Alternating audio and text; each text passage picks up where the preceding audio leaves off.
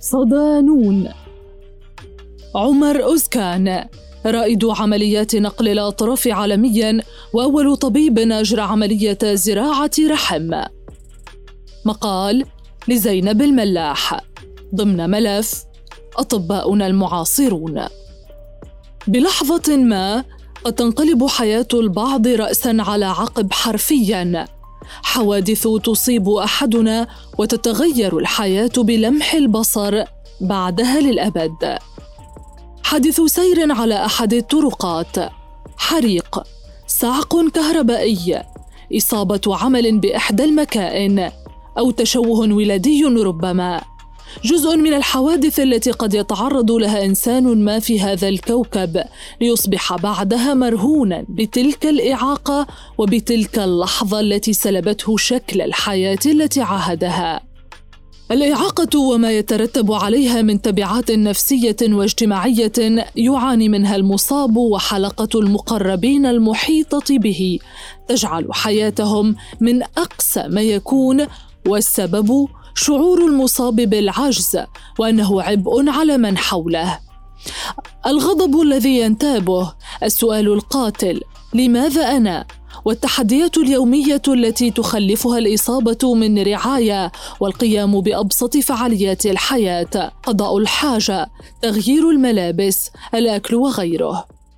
التفكير النمطي لما بعد الإعاقة هو محاولة خلق حالة من التأقلم للمصاب وأهله، لكن ماذا لو فكر أحدهم خارج الصندوق؟ ماذا لو أعاد الحياة إلى سابق عهدها ليس بإدارة عجلة الزمن إلى الوراء وتغيير الماضي، بل بإعطاء الأمل لفاقديه وإعادة الحياة لما كانت عليه. عمر أوزكان جراح التجميل التركي الذي أجرى أول عملية نقل رحم ناجحة في العالم وأول عملية نقل وجه في تركيا ورائد نقل الأطراف عالميا الذي استطاع أن ينقل الطب في تركيا إلى مستويات رفيعة وأعطى للكثيرين فرصة لعيش حياة طبيعية بعيدا عن الإعاقة والألم. ولد عمر مصطفى أوزكان عام 1971 لأسرة متوسطة الحال في هايمانا أنقرة كابن من أصل ستة أطفال. والده كان بائعا للأقمشة ووالدته ربة منزل ترعى العائلة. تلقى تعليمه الأولي في أنقرة وكان حلم طفولته محصورا بين الطب والطيران لكنه اختار مسار الطب لإيمانه بأن مهنة الطب رسالة إنسانية بإمكانها أن تحدث الفرق في حياة الآخرين. التحق أوزكان بكلية طب هاسيتيبي وتخرج فيها عام 1995 أوزكان الذي كان يريد أن يتخصص في جراحة الأوعية الدموية. حملته الصدفة لدراسة اختصاص الجراحة التجميلية ليكمل التخصص من نفس الجامعة التي تخرج فيها عام 2001 أتيحت لأوزكان فرصة تطوير مهاراته الجراحية عندما التحق عام 2004 بزمالة بحثية بجامعة طوكيو في اليابان ليتلقى تدريبا في عمليات الترقيع والجراحة الدقيقة المتطورة ثم ليكمل شغفه في أخذ الخبرات والمهارات الجراحية الاحترافية بانتقاله إلى تايوان جامعة آيشو بالأخص التدريب على جراحة اليد. في عام 2006 حصل عمر أوزكان على منحة من الرابطة الأوروبية لجراحية التجميل أورابس في جامعة ميونخ التقنية ألمانيا. بعد حصوله على هذه الخبرات عاد أوزكان إلى بلده ليبدأ مشواره في جامعة أكدنيز كبروفيسور مساعد عام 2006 في قسم الجراحة التجميلية. يقول عمر أوزكان إنه بعد أن عاد إلى تركيا وضع لنفسه ثلاثة أهداف وهي إجراء عمليات زراعة الأعضاء التالية أطراف ورحم ووجه. اجتهد عمر أزكان بجد درس واطلع كثيرا سافر وحاول اكتساب المهارات ثم وضع لنفسه الأهداف وبدأ بالسير نحوها حتى عام 2010 حين ابتدأ بنقل الحلم إلى واقع عندما أجرى أول عملية نقل أطراف ناجحة في تركيا ضمن فريق طبي من جامعة أكدنيز من ضمنهم زوجته الدكتورة أوزلينين أوسكان لجيهان توبال المزارع الذي فقد كلتا يديه خلال موسم حصاد الذرة بسبب إحدى الآلات وعاش لمدة عامين فاقدا ليديه بانتظار متبرع حتى عام 2010 عند وفاة فاتح ديميريل ذي الثالثة والعشرين عاما الذي توفي بحادث سير في مدينة موغالا التركية في لقاء تلفزيوني مع جيهان توبال تحدث عن ذراعيه الجديدتين وامتنانه لكل لحظة في حياته الجديدة بعد العملية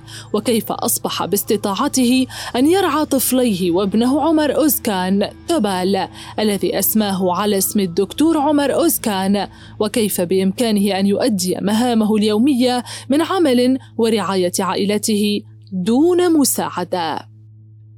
عام 2011 استطاع عمر أوزكان أن يذلل المستحيل ويهب الأمل ويكتب اسمه ضمن الأشخاص الذين غيروا وجه الطب عندما أجرى أول عملية زرع رحم ناجحة. عندما نقل رحم امرأة متوفاة إلى ديريا سيرت التي ولدت بتشوه ولادي من دون رحم مما حرمها الأمومة التي تحلم بها. أجريت العملية بنجاح في مستشفى جامعة أكدنس بأنطاليا لتضع مولودها الأول الذي أسمته عمر أوزكان بعد تسع سنوات من عملية زراعة الرحم. فرحة الدكتور عمر أوزكان وزوجته بولادة ديريا كانت كبيرة لكن ثمة ما ينغصها عندما يفكر بالعديد من النساء اللاتي يأملن أن يصبحن أمهات ذات يوم محاولا مساعدتهن بالسعي لتشريع قوانين تخص هذا الأمر بتركيا كما أنه تلقى العديد من الطلبات لأجل نقل خبرته في هذا المجال إلى بقية دول العالم. بعد تحقيقه لهدفين من الأهداف التي وضعها لنفسه اقترب من المهمة الأصعب وهي عملية زراعة وجه كامل. رغم تأثره بفيلم Face Off كما يقول فإنه يذكر اللحظة التي أتم هو وفريقه العملية وسادت لحظات من الصمت داخل صالة العمليات بعد أن رأى الفريق شخص آخر غير الذي أدخلوه للعملية.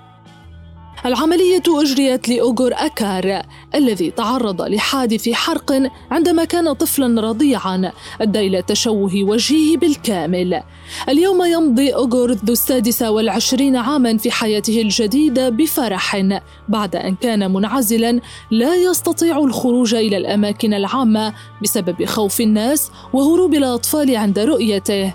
يقول في مقابلة له إنه يعمل ويخرج للأماكن العامة ويحبه الناس من حوله. وجرب أحاسيس جديدة كتحريكه عضلات وجهه وحلاقة الذقن وغيرها من الأحاسيس التي كان يفتقدها بوجهه. السابق ويطمح إلى الزواج وتأسيس عائلة ويقول بعد المعجزة التي حدثت له ماذا يطلب أكثر من الله؟ رسالة إلى طلاب الطب. أوزكان يؤمن بإنسانية الطب بعيدا عن المادة ويقول إن دراسة الطب صعبة جدا وتحتاج إلى تفرغ تام. فلا يمكن أن يعمل طالب الطب في مهنة ثانية لأن ذلك يؤثر على أدائه ويفقده الشغف بالدراسة والتعلم والبحث عن المعلومة. كما يشدد على أن اختيار الشخص للطب يجب الا يكون مبنيا على غاية الدخل الجيد والحصول على المال الذي توفره هذه المهنة. فهو يتبنى فلسفة خاصة في هذا الموضوع بأن الإخلاص بالعمل وإتقانه بغض النظر عن المجال هو الذي يجلب المردود المالي الجيد. أبحاثه لعمر كان العديد من الأبحاث العلمية التي نشرت في المجلات العلمية الرصينة تتناول مواضيع متعددة منها أبحاث عن تعبير الوجه والإحساس بعد زراعة الوجه وأبحاث عن زراعة الرحم وتصنيع المهبل وأبحاث عن الترقيع وغيرها. يعيش البروفيسور عمر أوزكان وزوجته وابنتاه زينب وناز في أنطاليا ويقول أنه دائما متأهب لإجراء عملية زراعة أعضاء عند توافر متبرع حيث خصصت له وزارة الصحة مروحية تساعده على نقل الأعضاء التي يريد زراعتها بشكل سريع حتى يتسنى الاستفادة منها بالسرعة اللازمة.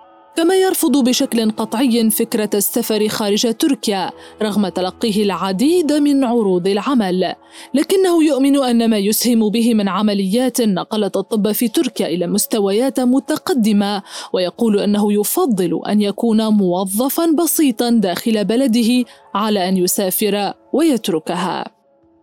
حكاية عمر أوزكان من الحكايات الملهمة التي تعطينا درسا أن لا حدود لإرادة الإنسان وأن المستحيل يصبح مستحيلا عندما يتوقف الإنسان فقط عن المحاولة.